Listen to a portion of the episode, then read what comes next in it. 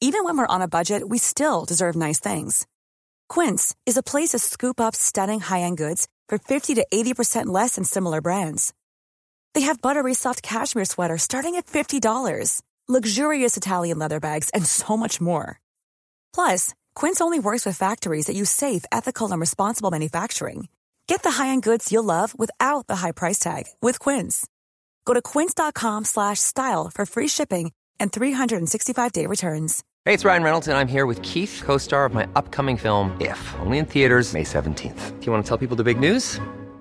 All right, I'll do it. Sign up now and you'll get unlimited for $15 a month in six months of Paramount Plus Essential Plan on us. Mintmobile.com slash switch. Upfront payment of $45 equivalent to $15 per month. Unlimited over 40 gigabytes per month. Face lower speeds. Videos at 480p. Active Mint customers by 531.24 get six months of Paramount Plus Essential Plan. Auto renews after six months. Offer ends May 31st, 2024. Separate Paramount Plus registration required. Terms and conditions apply if rated PG.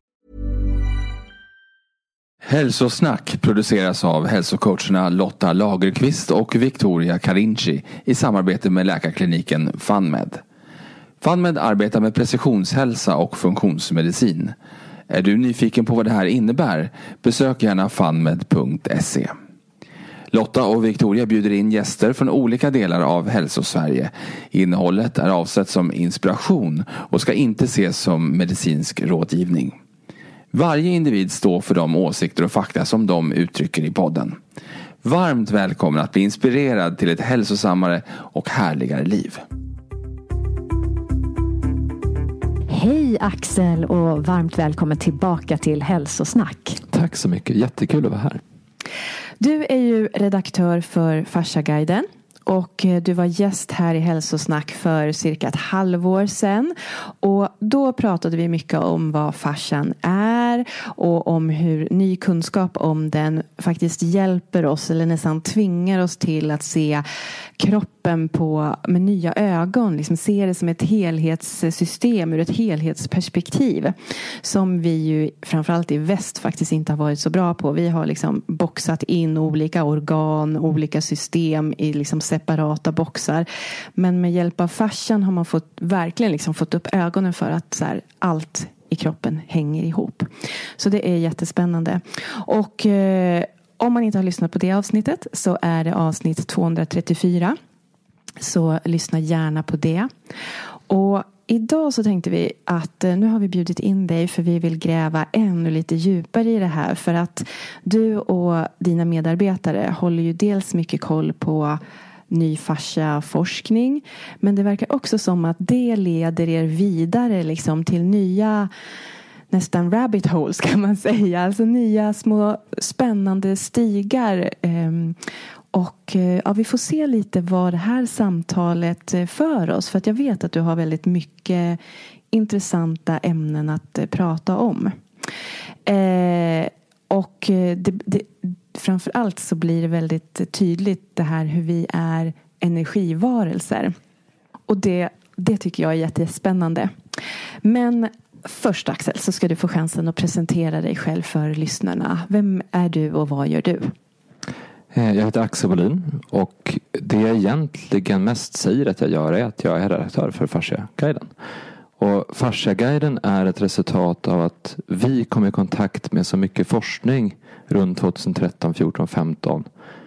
Men vi upptäckte att de som höll på med forskningen var ganska dåliga på att kommunicera det till folket. Alltså det, om du tar Fascia Research Society som är en stor grupp där man samlar just olika forskare de som är intresserade av att lära sig om fascia och kroppen och sådär. Så deras uttalade syfte är att hjälpa professionella att förstå fascia. Så att andra forskare ska förstå det, så att de som jobbar med kroppen ska förstå det, så att de som redan kan anatomi och fysiologi ska förstå det.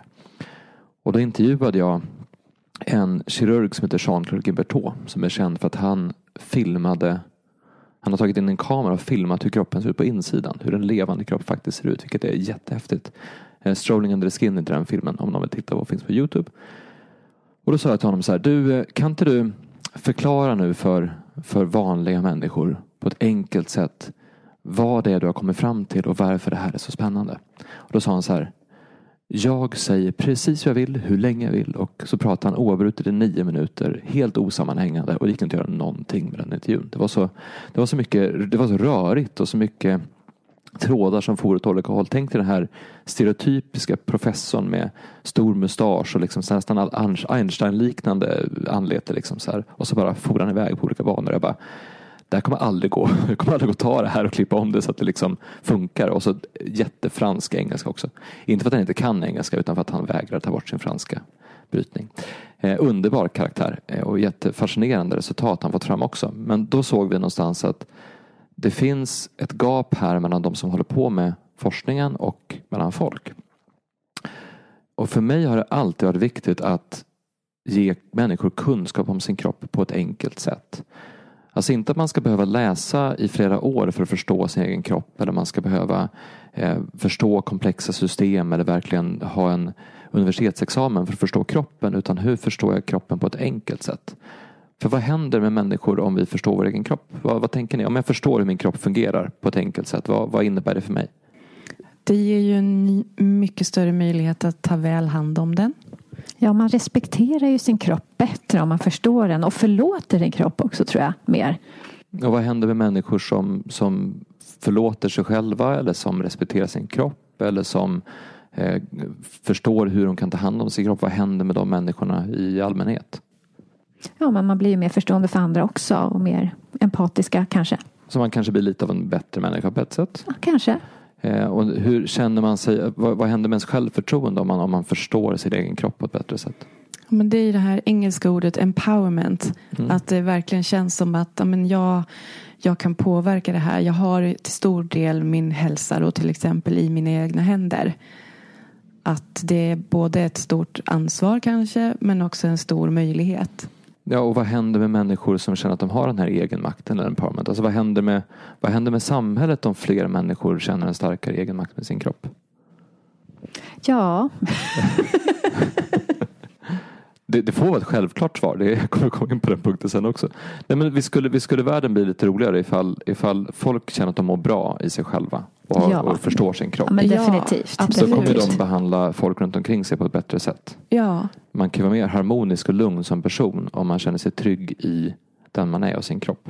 Mm. Om man känner att nu blev jag sjuk och inte känner så här, åh nej, vad hände här? Utan man känner, ja men det var säkert för att det och det hände. Då kanske jag ska göra så här nästa gång. Eller då vet jag att jag kan vila på det här sättet. Eller ta hand om mig på det här sättet för att bli frisk fortare. Då blir inte det heller någon stress eller oro eller ångest när man blir sjuk till exempel. Nej, och att man har det här är min svaga länk, här behöver jag lägga lite extra omsorg. Liksom. Ja, eller bara en sån sak som tar stress. Alltså, jag, alltså alla utsätts för stress precis hela tiden.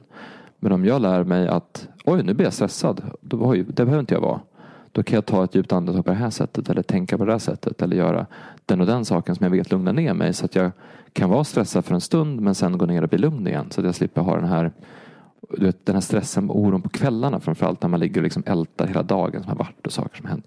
Det är så fruktansvärt skadligt för kroppen. Så kan man komma ifrån det så man sover bättre. Vad händer med folk då? Och det där, det där är inte det där är ingenting komplext. Det är väldigt enkelt. Men jag tror att vi som kultur har glömt bort det här, den här enkla kunskapen om kroppen. Ehm, så det är mycket det vi jobbar på den senaste tiden. Att, att just fokusera på eh, vad som är liv och vad som får en att känna sig levande. För du sa egentligen att vi är energivarelser.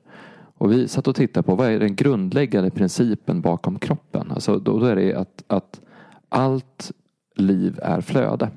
Alltså flöde finns i alla liv och då visar det sig att, att även encellorganismer är beroende av vatten och flöde. Så att, så att allting, allt liv kretsar kring ett flöde. Och då blir det som, ja okej, då är flöde kanske viktigt. Då kanske vi ska stimulera flöde. Och så sen så behöver vi grävt vidare. Vad, vad är grundläggande principerna för hur kroppen fungerar? Och kommer fram till att egentligen är det ganska mycket självklarheter. Så att vi blir vad vi gör men vi blir faktiskt vad vi gör. Alltså hur vi rör oss gör att vi blir, det bygger upp vår kropp. Om jag till exempel gör armhävningar varje dag så kommer min kropp att anpassa sig efter att jag gör armhävningar varje dag.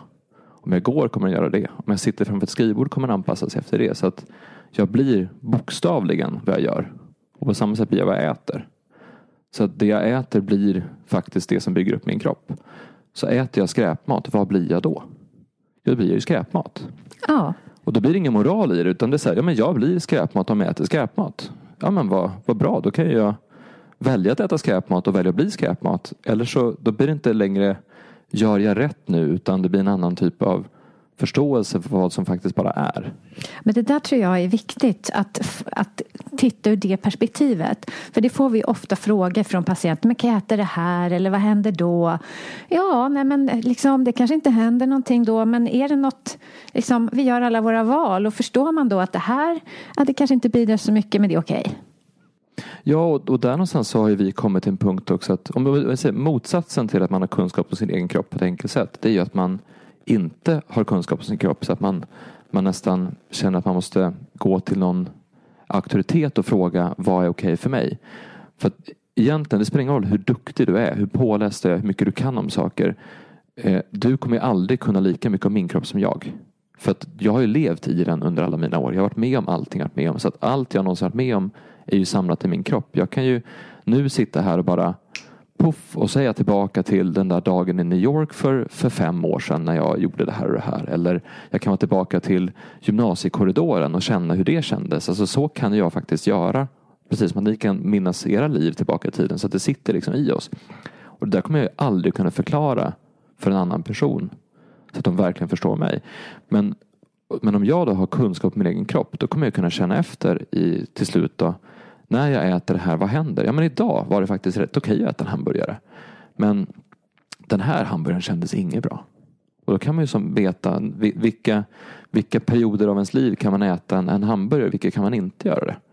För det finns ju tillfällen när det är perfekt att trycka i sig en, en hamburgare. Det, det ger så mycket positiv energi eller tjänster eller dopamin, dopaminkickar eller man liksom bara så här, åh vad unna med den här. Men när man trycker i sig hamburgaren bara för att man som slentrian då kanske man känner hur mycket den påverkar kroppen. Så Det är mycket sånt där som man egentligen kan känna efter om man börjar känna efter.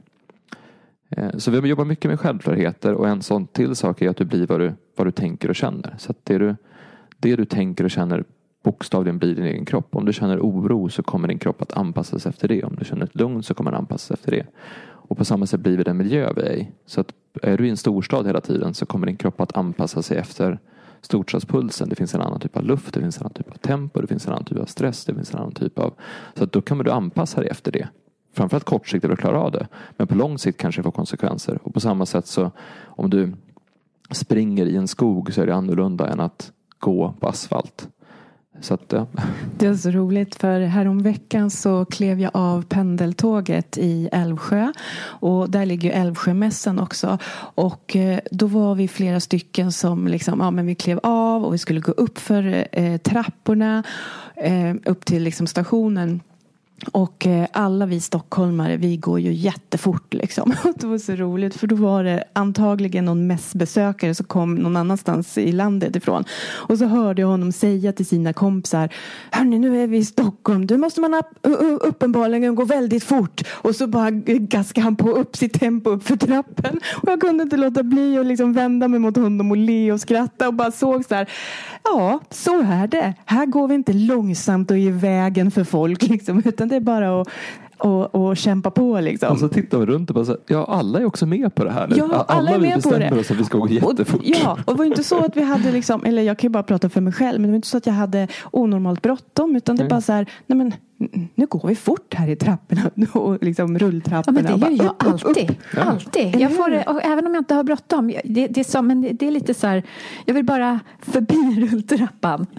Men också när jag kommer hit, när vi, där vi spelar in nu, så är det en ganska lång rulltrappa upp. Då tar jag alltid tillfället i akt för att få lite flås. Liksom, att ta med ryggan på ryggen och komma upp för den jag där. Jag också. Och bara tänker på alla som bara står i en rulltrappa. Jag bara, men ha, Missed opportunity. ni måste inte bara stå, ni kan fortfarande gå.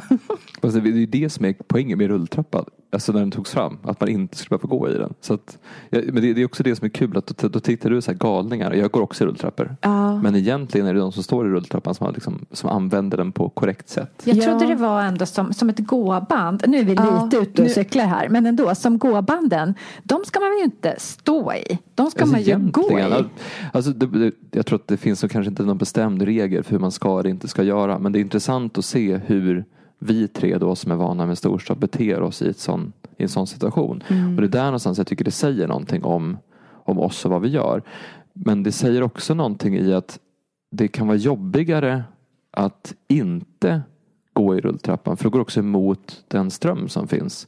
Så att du måste vara i det flöde som du just är i. Så det är Ja, man svårt måste ju att stå på vara... högra sidan. Man kan ju inte, ska man stå kan man ju liksom inte stå på vänster sidan för då är man ju verkligen i vägen. Det måste man ändå lära sig. Nej, men, det, men det blir någonstans också att, att om du lever i ett storstadstempo men ska vara ehm, väldigt lugn och liksom som person och aldrig stressa upp dig och sådär. Det kommer inte gå. Det kommer vara ännu jobbigare. Så att man, man måste anpassa sig till den miljö man är i. Men, då, men det är ju ändå viktigt att bli medveten om miljön. För vissa människor behöver den här pulsen. Vissa människor tycker det är kanon. Men då blir det ännu viktigare att hitta det här lugnet tillbaka igen. Så att vi är vi är nog inte så medvetna om vad vi gör egentligen och hur det påverkar oss. Vi, vi spelar in en kort, eh, vi håller på att ta fram en kurs nu som är just det, grund, självklarheterna. Och då spelade jag in intro till en av dem och så sa jag så här att eh, vi andas varje dag. Och så sa Per då, som jag gjorde kursen med, alltså nej vi andas hela tiden, inte varje dag, vi andas precis hela tiden. Ja just det. Vi andas hela tiden, om inte vi andas så dör vi. Men vi är så otroligt dåliga på att andas. Vet du hur dåliga på att andas vi är?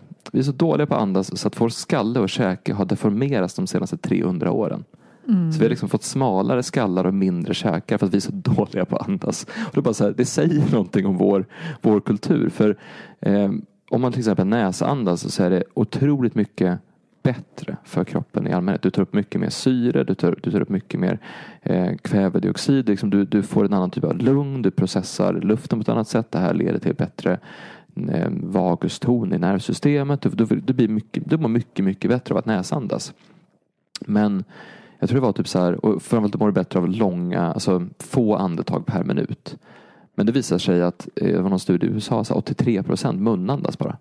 Och så har man sett samband. mellan 83 mun- procent? Ja, och så har man sett eh, samband mellan munandning och jättemånga olika typer av sjukdomar.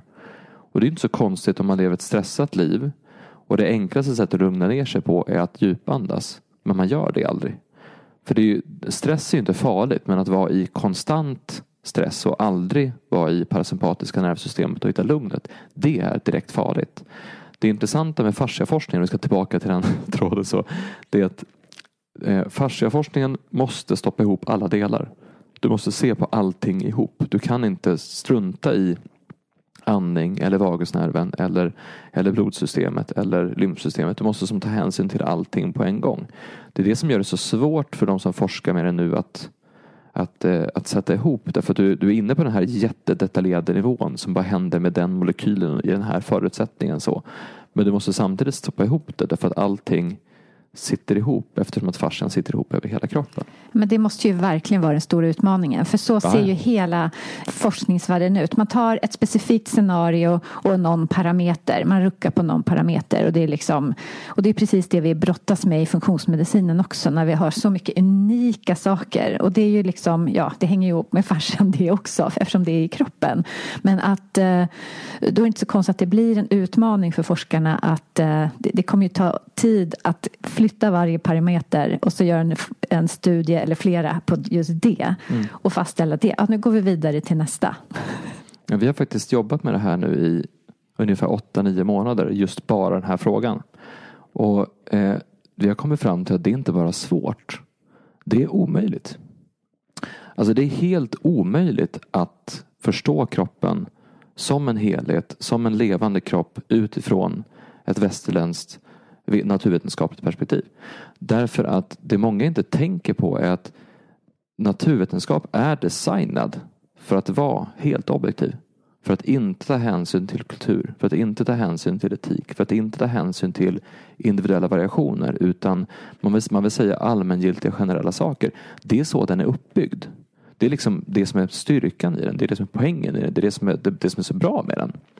Men du kan inte förklara hur du och jag reagerar olika på olika sätt vid olika tillfällen av massa olika saker från ett sådant perspektiv. Och då har vi en bild på en, en, en tysk forskare som visar just eh, massa olika saker som påverkar eh, vävnadsåteruppbyggnad, alltså hur snabbt cellerna reparerar sig själva i vävnaden. Och så tittar man på ålder, genotyp och sjukdomar och föroreningar och alltihopa. Och pilarna går liksom från ålder då, pil in mot tissue generation.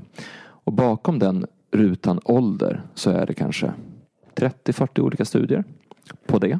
Och så är det 30-40 olika studier om, om luftföroreningar. Och så är det 30-40 olika studier om stress. Så att på den bilden, så de har kanske då 10 rutor, så kanske det är 250 forskningsstudier. Då kommer vi fram till att det dumma med den bilden det är att den visar pil från ålder till tissue regeneration. Inte mellan ålder och luftförorening eller mellan ålder och luftförorening eh, från tissue regeneration. Så att det är bara åt ett håll. Och så funkar inte en helhet. Det är aldrig åt ett håll. Det är alltid massa olika saker som samverkar. För du är, inte, du är inte bara 75 år gammal. Eller bara utsatt för luftföroreningar. Utan du är ju 75 år gammal, utsatt för luftföroreningar. Du har den här stressen i kroppen, du har den genotypen, du har den. Så att det, det blir... Och det är heller inte som att bara för att du är 75 år så har du svårt att läka. Nej, för alla 75-åringar är inte likadana. Nej, precis. Och där, där blir det svårt. Men då har du den andra typen av kunskap som heter erfarenhetsbaserad kunskap. Som är att, att när, om jag är läkare och så kommer in någon till mig så, och berättar om sina problem. Då öppnar inte jag en, en teoribok och läser på vad jag ska liksom göra. Utan jag drar ju från min egen erfarenhet. Att den här typen av person med den typen av bakgrund. Förmodligen så är det den och den medicinen eller den och den tipset eller den och den grejen. Och så sen så hittar jag någon form av, ja men det här ska du nog testa. Och sen kanske jag går och läser på efteråt för att se, gjorde jag rätt sak? Men, men beslutet är grundat på erfarenhet. Men vi tenderar inte att se det i vårt samhälle.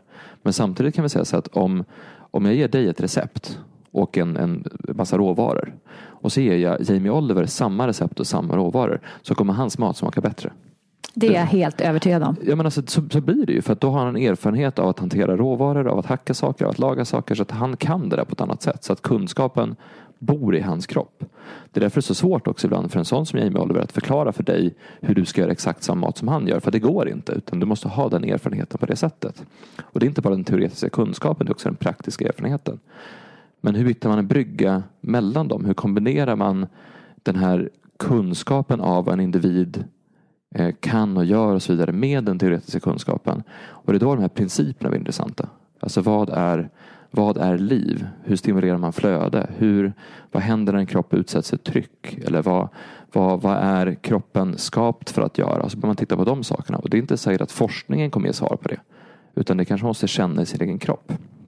Och det där blir det här, det som du inledde med, det här lite rabbit hole liknande och sådär. Att man bör titta på eh, ja, men hur, hur påverkas vi av eh, tankar och känslor? Hur, hur läker de olika? Hur kan de läka eller inte läka? Ja, och varför är det så skönt att gå barfota i gräset? Liksom? Kan man förklara det? Eh, eller en sån sak som det var någon som berättade en jättefin eh, Eh, liknelse med kvinnans cykel. Att det är som, det är som, en års, det är som ett årscykel fast i månadscykel. Så att eh, innan ägglossning så då är det som våren och man börjar blomma upp och man börjar få mer energi. Man börjar sådär. Och sen så är det sommar och då är det ägglossning och allt är bara så här. Wow vad härligt och det är så. Och sen så efter ägglossningen blir det höst. Man behöver varva ner lite grann. Och sen under menstruationen så är det vinter. Och då vill man egentligen bara vara i fred och kura ihop sig under en filt. Och om man börjar tänka på kroppen på det sättet då kan man säga så här. Varför tusan har vi planerat in möten när någon är i sin vinter? Det är, det är inte då vi får ut mest av den personen. Det är inte då den personen mår som bäst. Så vi borde egentligen anpassa hela samhället efter hur kvinnokroppen förändras varje månad.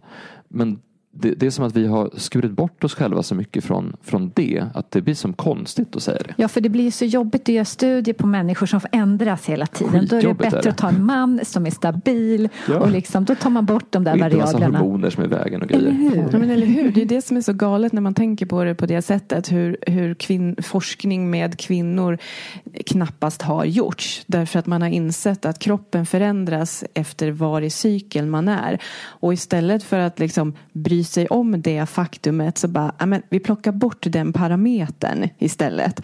Och sen så, då blir det lättare för oss här att forska och dra slutsatser. Och så bara så här, ja fast det är ju feltänk från början då.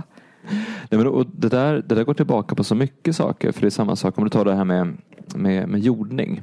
Som ju har blivit någonting hett och det snackas mycket om i sådana kretsar och så vidare. Egentligen är det bland typ det mest naturliga som finns. Därför att om du är, om du är ute i naturen om du är ute i en skog, då blir du jordad. Därför det finns, i, det finns en laddning i marken, det finns en laddning i luften, det finns en laddning i atmosfären runt omkring. Om du är ute i skärgården, jag älskar ute i skärgården. Och det, vi sa det någon gång när vi var ute förra sommaren. Att, att, eh, eller då förra sommaren var det. Att vi hade varit ute en hel dag och inte tagit upp våra telefoner en enda gång. För vi hade aldrig känt behovet av det. Vi var ute en, en natt. Så en dag, en natt och en dag till. Det kändes som att vi var borta en vecka. Och så sitter vi där och man känner liksom att alla det var som att alla bekymmer var borta. Eller, man, eller de var kvar. Alltså man hade fortfarande kvar de här eh, det man hade liksom funderat och så, och så vidare. Och det gällde personen jag var med också. Men på den platsen så kändes det som att det inte spelade någon roll på samma sätt. Och det är många som säger så när de åker på semester. Att de åker på semester och plötsligt så känns deras problem inte som så stora problem längre. För att man är i en annan miljö. Men tänk om det är så att miljön faktiskt gör någonting med oss på det sättet. Att man, man får en annan. För det är inte så att de här känslorna av oro, ångest och rädsla och så vidare är naturliga för oss. Vi är inte gjorda för att vara oroliga hela tiden. För att det, det skulle aldrig ha funkat rent evolutionärt ekologiskt. Och, så att det här med jordning som då låter kanske lite sådär. Det är ju bara att vara i en miljö där du får en annan typ av energi och får ur dig en annan typ av energi. Om man tittar på rent hur det är att uppleva det.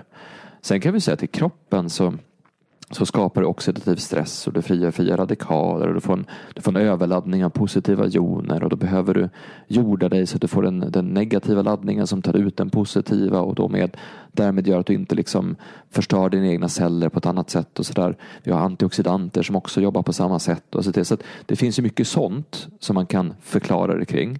Men man kan också säga så här vilken miljö mår du bra i och känner dig lugn och trygg i? Och det är egentligen lika det är lika relevant för mig som person att förstå vilken miljö jag kan vara i som att jag ska eh, minska min oxidativa stress med antioxidanter till exempel.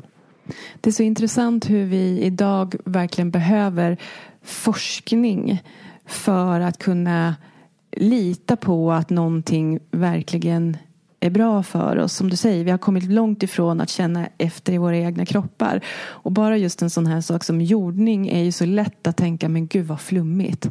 Liksom gå barfota på marken, liksom vad sjutton ska det kunna göra för skillnad? Ja men precis. Och så tänker man tillbaka liksom, genom evolutionen så har vi liksom alltid varit ute i naturen med våra bara fötter fötter. Det är så djuren alla gör. Liksom.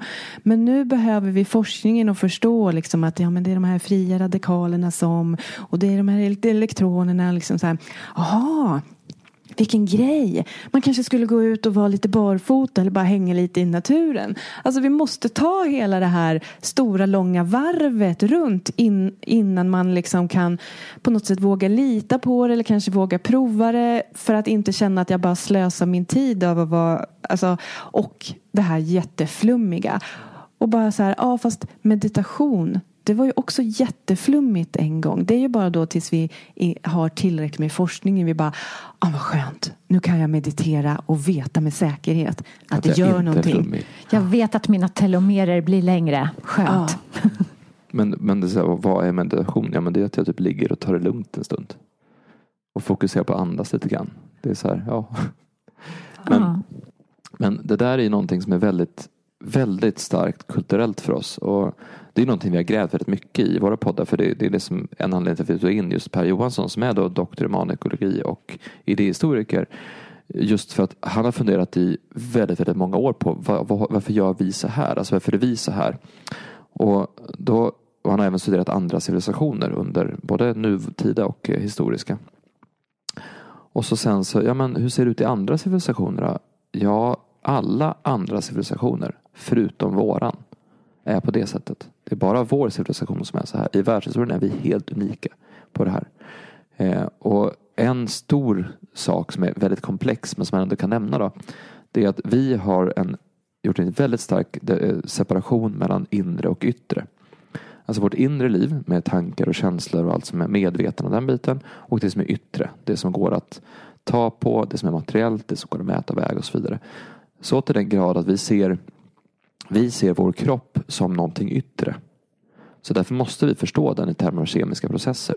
Därför kan vi inte uppleva vår kropp inifrån. Och den här separationen den kommer tillbaka från, från Descartes på 1600-talet. Den är så stark i allting vi gör så att vi har svårt att förstå att, Att, till vi exempel- inte förstår det. Ja, Eller att, hur? och, Det är och, liksom och det- vi är så in, inprogrammerade i att, att tänka på det sättet. Och på samma sätt här med att vi delar upp saker istället för att se en helhet. Det är också otroligt starkt undermedvetet förknippat. Så vi, vi pratade häromdagen och så sen så började vi säga så, och så insåg jag att jag själv började dela upp saker och kategorisera saker och sätta etiketter på saker. Man vill ha den här tydliga, det här är det begreppet och det där är den saken och det där är den etiketten. Så vi gör det där utan att tänka på det och då har jag ändå jobbat i nu typ tio år med att försöka att inte tänka så och ändå är det så starkt förknippat i hur vi gör för att allting runt omkring oss är så. Vi delar upp ämnen i skolan, vi delar upp Eh, institutioner på universitet, vi delar upp lärosäten, vi, vi delar upp allting. Och vi separerar alltid allting från inre och yttre. Så vi måste, vi måste förstå dig genom att studera din kropp som att den inte är en del av dig. Och det är ganska konstigt egentligen. Ja, det är jättekonstigt. Och det här är ju verkligen hjärntvätt i det sanna mening. Liksom att, för att jag förstår precis vad du menar. Det här att liksom, det är, man är till och med så indoktrinerad i det här tänkesättet att det är svårt att förstå att det finns något annat sätt att göra det på. För det här har ju blivit så mycket det är en självklarhet att det är så här man måste göra för att kunna forska eller kunna förstå eller strukturera sin, sitt liv. Liksom. When you're ready to pop the question, the last thing you want to do is second guess the ring. At Bluenile.com, you can design a one of a kind ring with the ease and convenience of shopping online. Choose your diamond and setting. When you find the one, you'll get it delivered right to your door. Go to Bluenile.com and use promo code LISTEN to get $50 off your purchase of $500 or more. That's code LISTEN at Bluenile.com for $50 off your purchase. Bluenile.com code LISTEN. There's never been a faster or easier way to start your weight loss journey than with PlushCare. PlushCare accepts most insurance plans and gives you online access to board-certified physicians who can prescribe FDA-approved weight loss medications like Wigovi and Zepbound for those who qualify. Take charge of your health and speak with a board-certified physician about a weight loss plan that's right for you. Get started today at plushcare.com slash weight loss. That's plushcare.com slash weight loss. plushcare.com slash weight loss. Men det är väl det också som gör att den här äh, ja, flummiga aspekten då, att vi är energi. Att det blir, det blir flummigt. Bara för att det kan man inte se. Eh, och man kan väl mäta det på mer avancerade instrument. Men att känna det, det, det kan vi ju.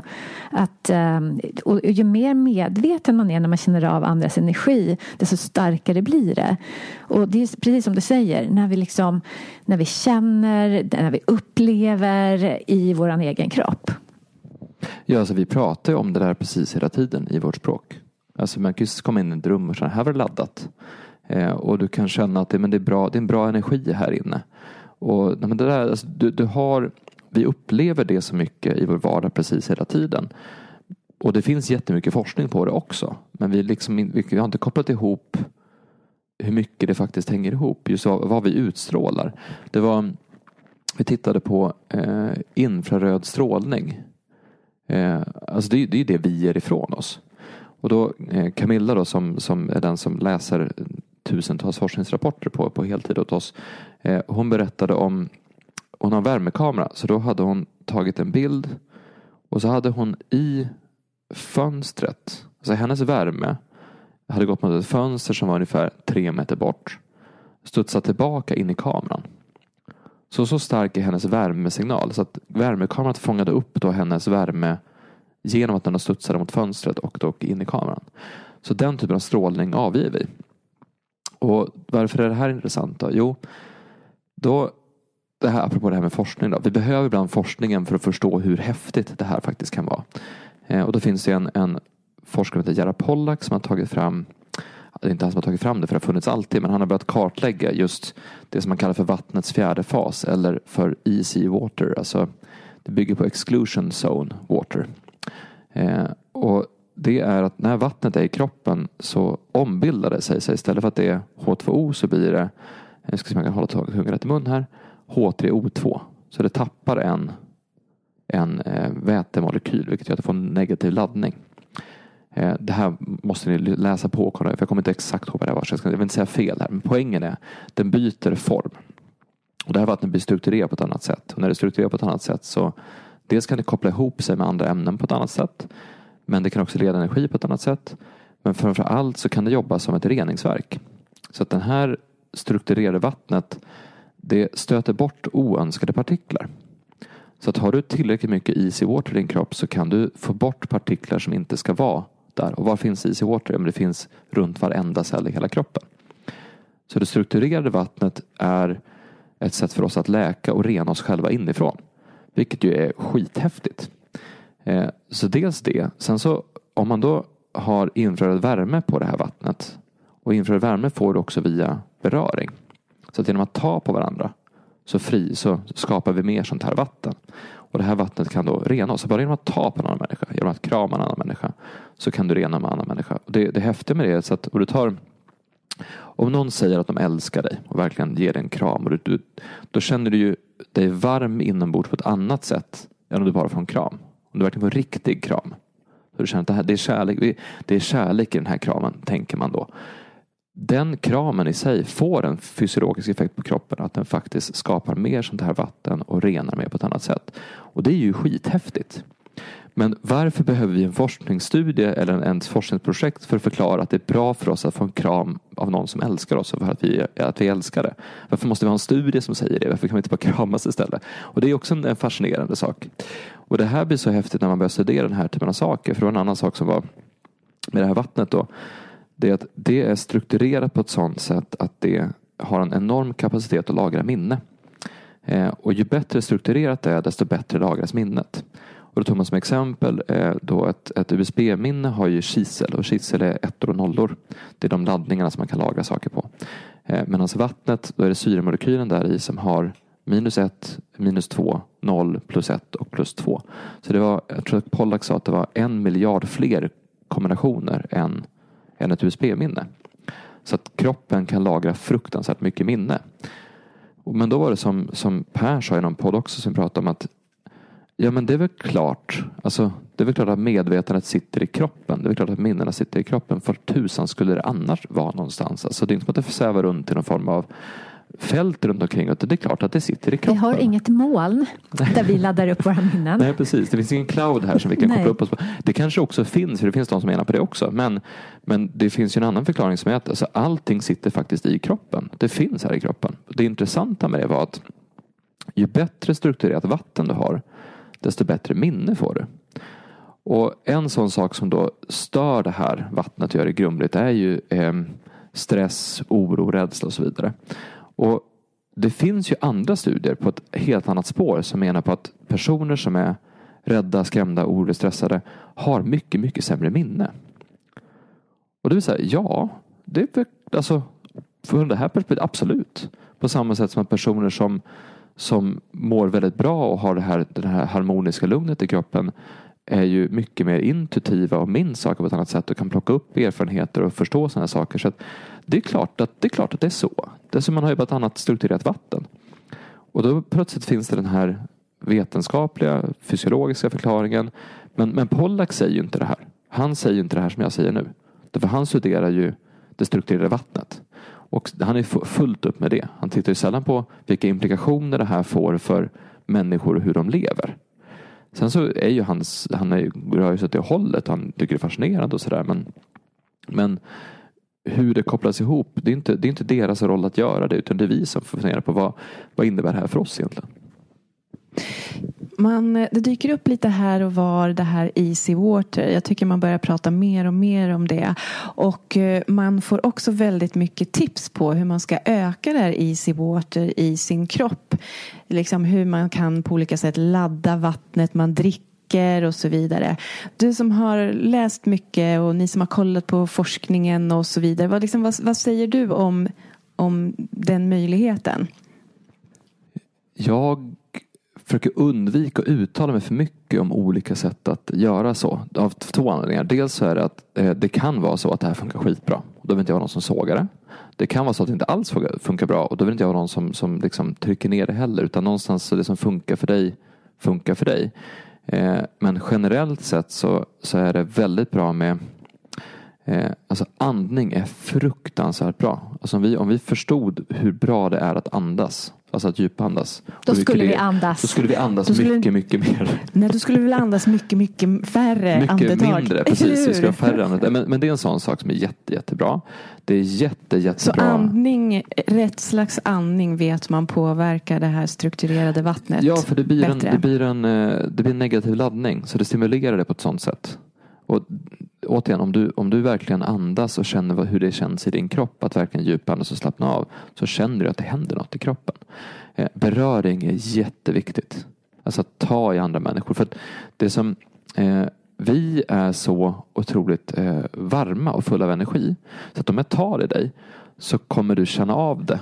Eh, det, det, det räcker med att man rör, det, det var eh, Hans som jag var med, han var i Berlin på Bäckenbotteninstitutet och skulle titta på olika typer av eh, inkontinens och sådana här problem. Så. Och så sen så då hade de en- satt en massa sonder i, i, i slidan och så sen så hade de mätt massa saker och sådär. Och då så gick han fram och bara skulle, han skulle kolla om bäckenet var snett. Det, det tänkte inte de på, de som gjorde den här, den här studien. Då. Så fort han tog, alltså han petade på den här kroppen så alla sonder bara ding, ding, ding, ding, ding, ding. Så att så känsliga är vi för, för beröring. Att, att en minsta, minsta lilla rörelse, om jag bara tar på det lite grann så kommer det att få ge effekter över hela kroppen.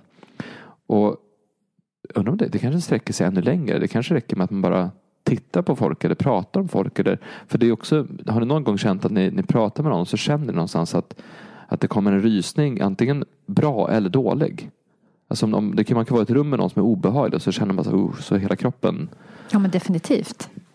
Eh, så det går, nog, det går nog längre än till att bara ta på. Jo, men, men i alla fall, att tar man på varandra, gör man den typen av saker så skapas värme som också strukturerar det här vattnet på ett annat sätt. Eh, och sen all typ av, all typ av rörelse som stimulerar flödet i kroppen är också bra. Oavsett om det är att du går på en behandling eller att du eh, är ute och alltså, du bastar eller du går eller du liksom hoppar. Vad du nu gör för att aktivera kroppen skapar också det här. Så det är de här enkla självklara sakerna. Det är därför jag känner mig så tråkig ibland. För jag säger bara så här, gör det som är enkelt och som du mår bra av och sluta komplicera sakerna för mycket. Ja men jag vet, vi är lite där också. Men, det, men jag kan ändå tycka att det är spännande och jag tänker också ljus har ju en stor påverkan. Jag tänker framförallt på morgonen, att få ljus på morgonen. Ja, det var en ganska ny grej som, som jag har inte hunnit liksom landa i det fullt ut. Men eh, det finns jättemycket ny forskning nu som handlar om just hur eh, gryningsljuset och skymningsljuset påverkar kroppen. Eh, och då var det, jag undrar om det var melatoninproduktionen som, alltså både gryningsljuset och skymningsljuset stimulerar melatoninproduktionen. Så på gryningen, gryningsljuset gör att det kommer stimulera senare under dagen. Ja men precis, det är som att switchen, okej om 16 timmar så ska vi ha en, jag vet inte om piken på melatonin, men Ja. då ska det i alla fall vara Men precis, det sätts igång då och på skymningen är saker, nu är det dags liksom. Och, eh, så det ljus man har runt omkring sig har också en jättestark effekt på kroppen för att i gryning och skymning är just, är just det här infraröda ljuset. Så det påverkar också vattnet i kroppen och det påverkar vilka hormoner som släpps iväg och sådana saker. Så att, och så bara, forskningen säger bla bla bla, men okej, tänk dig att vi lever ute på savannen. Ja, vad vaknar vi av? Ja, men att solen går upp. Ja, när går vi och lägger oss? Ja, men när solen går ner. Det är ju inte, det är inte konstigt att, att vår kropp är anpassad för att fungera så optimalt som möjligt i den miljön som vi kommer ifrån. Och där vi, vi glömmer bort hur Alltså, hur länge har den här jorden funnits? Alltså, det finns, man pratar om flera miljarder år. Okej, så det här är någonting som har den här miljön, det här ekosystemet har anpassat sig i väldigt, under en väldigt, väldigt lång period för att fungera så bra som möjligt. Naturen är ju ganska vårdslös. Alltså är det något som inte funkar så dör det. Eh, och vi har funnits väldigt, väldigt länge också. Och vi har ju anpassat oss efter den här miljön. Så det är inte konstigt att till exempel våran, våran hjärnrytm är samma puls som jordens eh, magnetfält. Alltså, det, vi är ju samma sak som naturen. Och det är klart att vi har samma funktion som det, det vore ju korkat att bara, nej men här tar vi någon, någon varelse som funkar på ett helt annat sätt än resten av jorden. Bara ploppa ner den här och så sen är det så. Vi kommer ju från jorden. Så det är klart att vi har vi anpassar oss efter det. Och det är det här igen som det blir så vi är så långt borta från, vi har kopplat ifrån oss så mycket från det här att vi liksom tycker det är konstigt. Ja, men vi har ju verkligen gjort det. Vi har kopplat bort oss från det. För att jag tror att vi, vi människor, eh, vi tror ju att vi är för mer än den här naturen. Vi, vi tror ju att vi är lite mer som maskiner. Att så här, naturen påverkar inte oss särskilt mycket. Och om naturen skulle mot förmodan påverka oss, ja men då kan ju vi eh, uppfinna några tekniker för att avvärja det på något sätt. Så att det, för precis som du också sa det här att oh, man känner sig så tråkig för man pratar om basics. Så känner vi också som hälsocoacher. För ju mer och ju mer och ju mer man lär sig desto mer inser man att vad är det som är liksom, det allra viktigaste? Vad är det som har allra mest effekt? Ja, men det är the basics. Det är liksom att hålla sin dygnsrytm, liksom sova ordentligt, dricka vatten, äta ren mat. Alltså alla de här grejerna som på något sätt också känns som att när man säger det till folk så är det ju ingen som säger emot såklart. Man bara, ja men visst. Men nu gäller inte det där för mig i mitt liv. Utan jag har ju liksom, så här, det är som att så här, man förstår att det är sant. Men det är ändå så svårt att ta till sig. Och också lite det här då som jag också tror är den här hjärntvätten. Att vi nu så många generationer liksom har tänkt att vi kan ställa oss över naturen. Att gå barfota på marken, ja, men det betyder inte så mycket för oss. Att hålla den här dygnsrytmen och att kliva upp när solens gryningsljus skiner. Det spelar inte oss så stor roll. Vi har ju lampor och vi har väckarklockor och vi, vi behöver inte det där längre. Så att det är ju någon slags hybris på något sätt hos oss människor som gör att vi har blivit så himla bortkopplade från det och heller inte kan liksom känna efter själva heller. Jag tänker på min pappa har haft problem med hjärtat och han har ju då varit hos läkare som har gett honom flera mediciner och liksom, han är verkligen så här men gud, han vet ju. Han vågar ju inte ta något eget beslut. Han märker att han får biverkningar av det här. Men nu har ju läkaren sagt att han behöver det här. Och vem är han att ta något eget beslut? Det vågar man ju inte göra. Så man har liksom verkligen ingen tillit till sin egen kropp på något sätt. Det är alltid någonting, någon teknik eller någon, någon auktoritet utanför en på något sätt. Och sen tror jag inte heller att man tror att det här enkla funkar. För vi hade en föreläsning här förra veckan och gick igenom hur man som kvinna i eh, 35 till 55 års åldern ska liksom maximera sin hälsa och det vi pratade om kosten, om träning, om återhämtning och mage, tarm. Ja, men liksom, ja, det var lite funktionsmedicin men mycket basics. Och så var det frågestund efter och då var en kvinna så här. Ja, men jag och vi som är i den här åldern. Vad ska vi göra då? Och då bara, jo men det var precis det här vi pratade om nu med kosten och träningen och sömnen. Då bara, aha. Att det blir, det blir lite för enkelt för att vara sant tror jag också. Många tror. Ja, men det där är ju det, det, det här som är så viktigt att förstå att det här har verkligen att göra med vår kultur. Och hur mycket vi är formade av vår kultur utan att tänka på det. För du sa dels det här med ja, men när, vi, när vi sa att vi var mer än naturen. Det är också en 1600-1700-tals idé. Och det, det kommer ju från att man var trött på, man var trött på Gud. Alltså, så, men, det kan själv, man ju vara ibland. Jag bara tänkte själv så här, du, du, du lever alltså i en värld där du i hundra år, alltså från tidigt 1500-tal till typ 1630, 1680 någonstans har det haft krig och strid mellan protestanter och katoliker. Alltså de tror på samma gud. Det är samma, liksom, det är samma, det är samma Jesus också. Det är inte så här eh, Mohammed eller så, utan det är samma grej. Det är samma bok. Det var att den är på olika språk. Den ena är på det lokala språket och den andra är på, på latin. Och det har man alltså ett sånt bråk om. Så att i, i Paris så dödades alla protestanter. Alltså, alltså de, de dödades. Och alltså, in, in, alltså alla adelsmän, det är liksom så här stor St. Bartholomews Massacre kan ni söka på. Det är så, så grovt vad det är. I England så var det folk som vars liv bara totalt vändes upp och ner för att de bytte monark. Så att en drottning var katolik och sen kom nästa drottning som var tolerant fast den var egentligen protestant. Och när hon var, skulle vara tolerant då så började hon bli mer och mer katolikerna var mer och mer eh, eh, vet det, eh, de, de försökte få henne att, att störtas. Så då tog man till hårdare tag mot dem och så var det som sådär. Och då kom den spanska kunden som var katolik. Det, det började med det. Sen var det 30-årigt krig så man bråkade om alltså Gud. Och folk bara säger nej, vi orkar inte mer. Så tänk att du har haft 150 år av krig om Gud. Okej, vi skiter i Gud nu. Vad kan vi göra som inte är Gud? Bra, vi kan studera naturen. Okej, får vi ta in eh, naturens ande i det här? Får vi ta in eh, människans själ? Nej, nej, nej, det är kyrkan. Så skit i det, bort med kyrkan.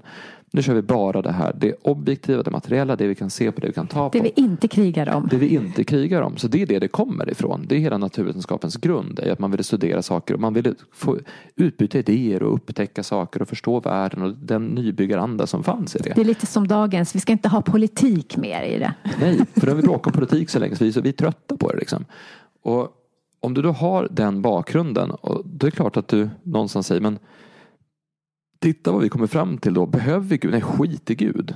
Och då, men när man då sket i Gud så sker, börjar man också skita i naturen. Och det är, det som, det är där någonstans det blir problematiskt. För att, visst, vi kan, vi kan debattera om, om anden eller Gud eller religion och sådär hit och dit. Men när man då skapar bort naturen från det också, att naturen inte blir viktig. Eller att vi kan manipulera naturen på ett helt annat sätt, vilket man började med på 1700-talet med skiftesreformer och så vidare. Då börjar man ju, man börjar ju manipulera eh, växter på ett annat sätt. Man börjar ju liksom förädla på ett sånt sätt så att det vart annorlunda och då kom man över Alltså det, det resultaten, för jag läste ekonomisk historia och då, då pratar man om eh, den maltusiska trappan. Så att fram till typ 1700-talet så, så var, vart befolkningen aldrig större. Därför att när den var tillräckligt stor då vart det matbrist. Och då dog folk. Och då var den riktigt stor igen och så dog folk. Så att, att befolkningen stod kvar på, på en viss nivå för det vart aldrig mer på grund av att det inte fanns mat. Men sen gjorde man skiftesreformen och började odla på ett annat sätt och helt plötsligt kunde man gå förbi det där. Och då blir det att manipulera naturen blir ju då teknologin som manipulerar naturen blir hjälten i historien. Och den berättelsen lever vi fortfarande i. Att vi ska liksom Naturen är våran att göra vad vi vill med och den är inte viktig och vi kan göra det. Och det är ju, om du tittar på vad vi har byggt upp sedan dess. Vad har hänt de senaste 200 åren med hur vi har gjort om vår värld? Och det är ju fantastiskt på många sätt men det blir jätteproblematiskt när vi då plötsligt säger att vi inte behöver naturen. För vad är det som händer då? Ja, men då blir vi sjuka på ett annat sätt, vi blir olyckliga på ett annat sätt, vi blir stressade på ett annat sätt. För naturen i sig har en läkande effekt på oss. Och det där blir så det, det, är så inprogrammerat i vårt sätt att vara på att vi tänker på det sättet. Att vi, inte, att vi tycker att det är onaturligt att vara ute i en skog. Att vi tycker att det känns konstigt att gå barfota. Fast vi, är, vi har gått barfota i typ så här 95 procent av vår historia har vi gått barfota om det inte är mer. Och där, där har vi tappat det lite grann måste jag säga. Ja, vi har tappat lite grann. Det måste man ändå säga. Det är så här man vet, ja, jag vet inte. Man blir lite ledsen när man tänker på det. Men. Bra. Du har ett men. men. Ja. Gaskar upp det oss igen. Det som är häftigt är att nu har vi kommit till en punkt inom den västerländska naturvetenskapliga forskningen där du måste börja gå åt ett annat håll. För både med fasciaforskningen som jag är väldigt inne i men även med tarmfloraforskningen som ni har bra koll på också. Så här, det finns mycket nu som säger att det är inte som vi trodde. Det är kanske precis tvärtom. Vi måste tänka om på ett annat sätt. Och alla studier som kommer med, med jordning eller med, med laddningar. Alltså allt det här som kommer nu från det naturvetenskapliga västerländska hållet säger någonting annat nu. Eh, om då människor får kunskap om sin kropp och, och får till det. Alltså om vi gör här, den här kunskapen tillgänglig till folk så att folk kan börja känna efter själva och ta egna beslut. Då kan det gå jättefort åt ett annat håll. För jag tror och hoppas i alla fall att folk inom sig instinktivt är lite trötta på det här. Alltså, kan inte, alltså hur kommer det sig att vi ska, vi ska jobba så hårt som vi gör och vi måste ha flera sådär och sen så kommer ekonomin in och så blir det sen bara värre och sen blir det energikris och sen är det krig också, sen blir det inflation och så var det pandemier. Alltså, det är någonting i det här som jag tror folk börjar bli less på. Och om man då ser att, vänta ett tag nu, vi, kan, vi skulle totalt kunna göra om allting nu. För vi har så mycket kunskap att vi skulle kunna göra det. Och då skulle vi kunna bygga upp en värld som är helt annorlunda. Och jag, vi är inte, kanske inte riktigt där än. Men det kan gå väldigt, väldigt fort. Och det är väl någonstans det som jag, varför jag känner sånt, sånt hopp och sån energi inför det som jag gör, det som vi gör, är att det kan verkligen hända saker nu. Jag tror det kommer hända jättemycket de nästa fem åren. Mer än det har hänt de sista fem åren. För att det finns de tendenserna och det är inte bara vi som gör det här. Det är folk som gör det i andra länder, det är folk som gör det i Sverige på andra håll. Det, det finns väldigt mycket rörelser åt ett annat håll. Ta, vattnets fjärde fas då. Tar man en sån sak som att Pollack och andra runt omkring sig och framförallt många japaner har visat på att med vatten och solenergi, de två sakerna ihop, så kan man göra batterier. Vi kan alltså göra batterier som går på vatten och solenergi. Som förnyar sig själva hela tiden. Med den här typen av kunskap som, som Pollack visar om vattnet. Det är skithäftigt. Vi skulle alltså kunna försörja oss med energi genom vatten och solenergi. Det har vi jättemycket av, vatten och solenergi. Och det, blir, det renar sig själv och det, det, det blir otroligt hållbart. Men för att det ska kunna ske så måste vi komma ifrån det här med att det ska finnas ekonomi i det. För det finns ingen ekonomi i vatten och solenergi på det sättet. Därför det är alldeles för billigt. Och då måste vi tänka annorlunda på det sättet också. Och där är vi inte riktigt än tror jag. Jag tror vi har svårt att komma ifrån den. Vi är så inne i havet ekonomi och havet pengar. Så vi, vi är som fisken som inte förstår att vi finns i ett hav. Så vi förstår inte den aspekten hur mycket det faktiskt kontrollerar vårt samhälle. Men någon gång kommer vi säkert passera den det krönet också. Så jag, jag, känner väldigt mycket hopp. Ja, men det känns ju väldigt roligt också. Att, eh, för det, jag, jag känner också lite som Victoria ibland, att det blir lite deppigt. Men eh, skönt att höra att det finns hopp. Då känner jag mig också hoppfull.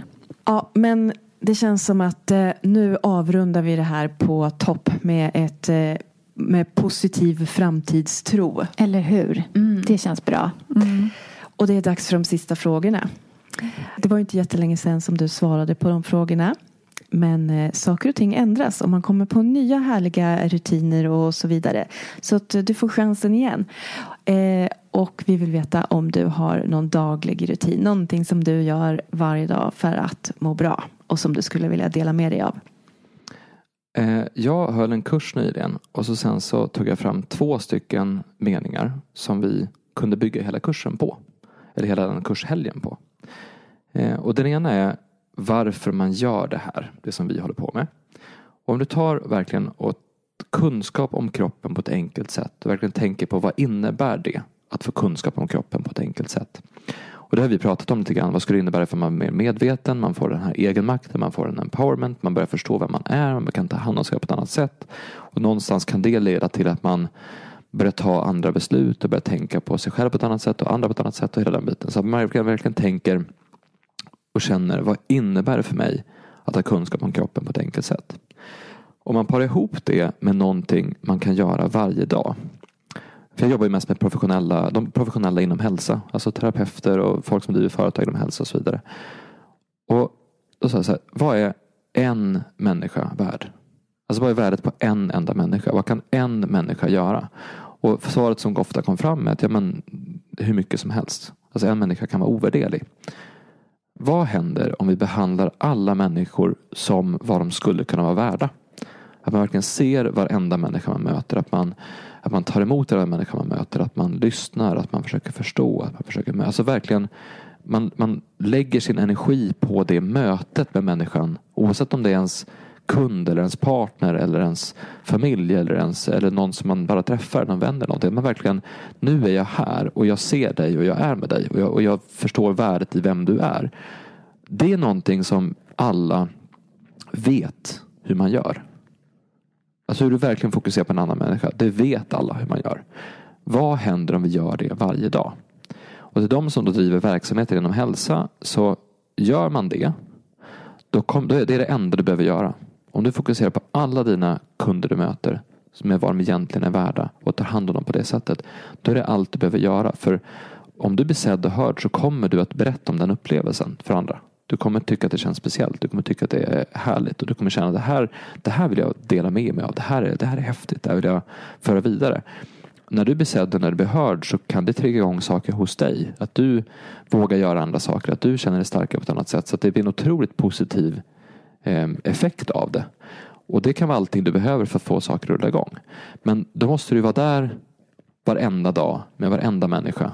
Och det är svårt praktiskt att göra.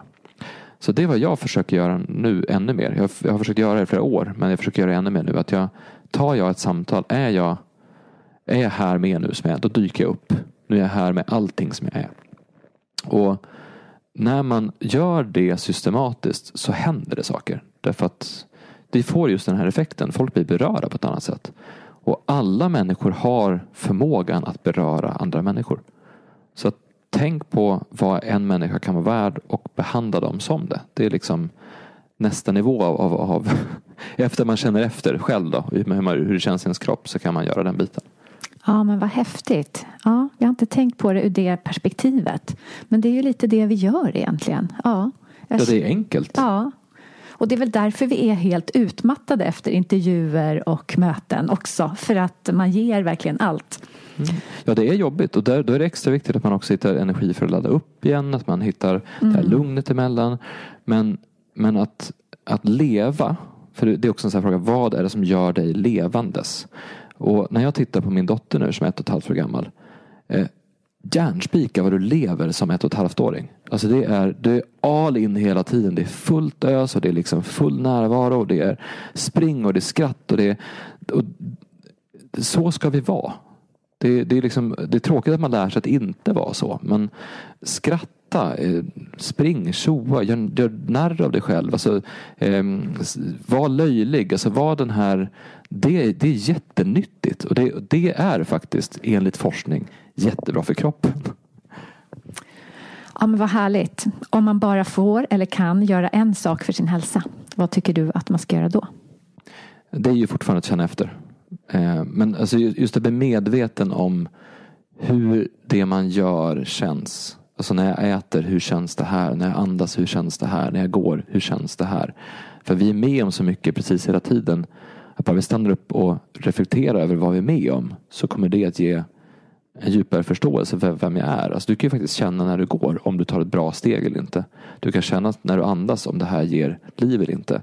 Du kan känna när du äter den där hamburgaren om den är bra just nu eller om den inte är bra. För även saker som kan vara dåliga för oss enligt forskning kan vara bra för oss i stunden om vi verkligen tar in dem på ett sådant sätt. Så att verkligen känna efter. Jättebra. Och om man vill veta mer om dig, var hittar man dig då? Eh, det enklaste sättet är att lyssna på Fasciaguiden. Så vi kommer med eh, ett avsnitt ungefär varje vecka. Eh, och där pratar vi om allt möjligt. Vi har gjort över hundra timmar om fascia nu och det var någon som sa att hur kan ni prata om hundra timmar om ett ämne? Och då sa vi kan säkert prata hundra timmar till. Så det är som vi testar nu. För det är ja. så pass stort är ämnet. Ja, nej, men vi, vi har lyssnat på många avsnitt. Det är mycket spännande som ni pratar om där. Tack Axel för att du kom till Hälsosnack. Tack, det var jättekul att vara här.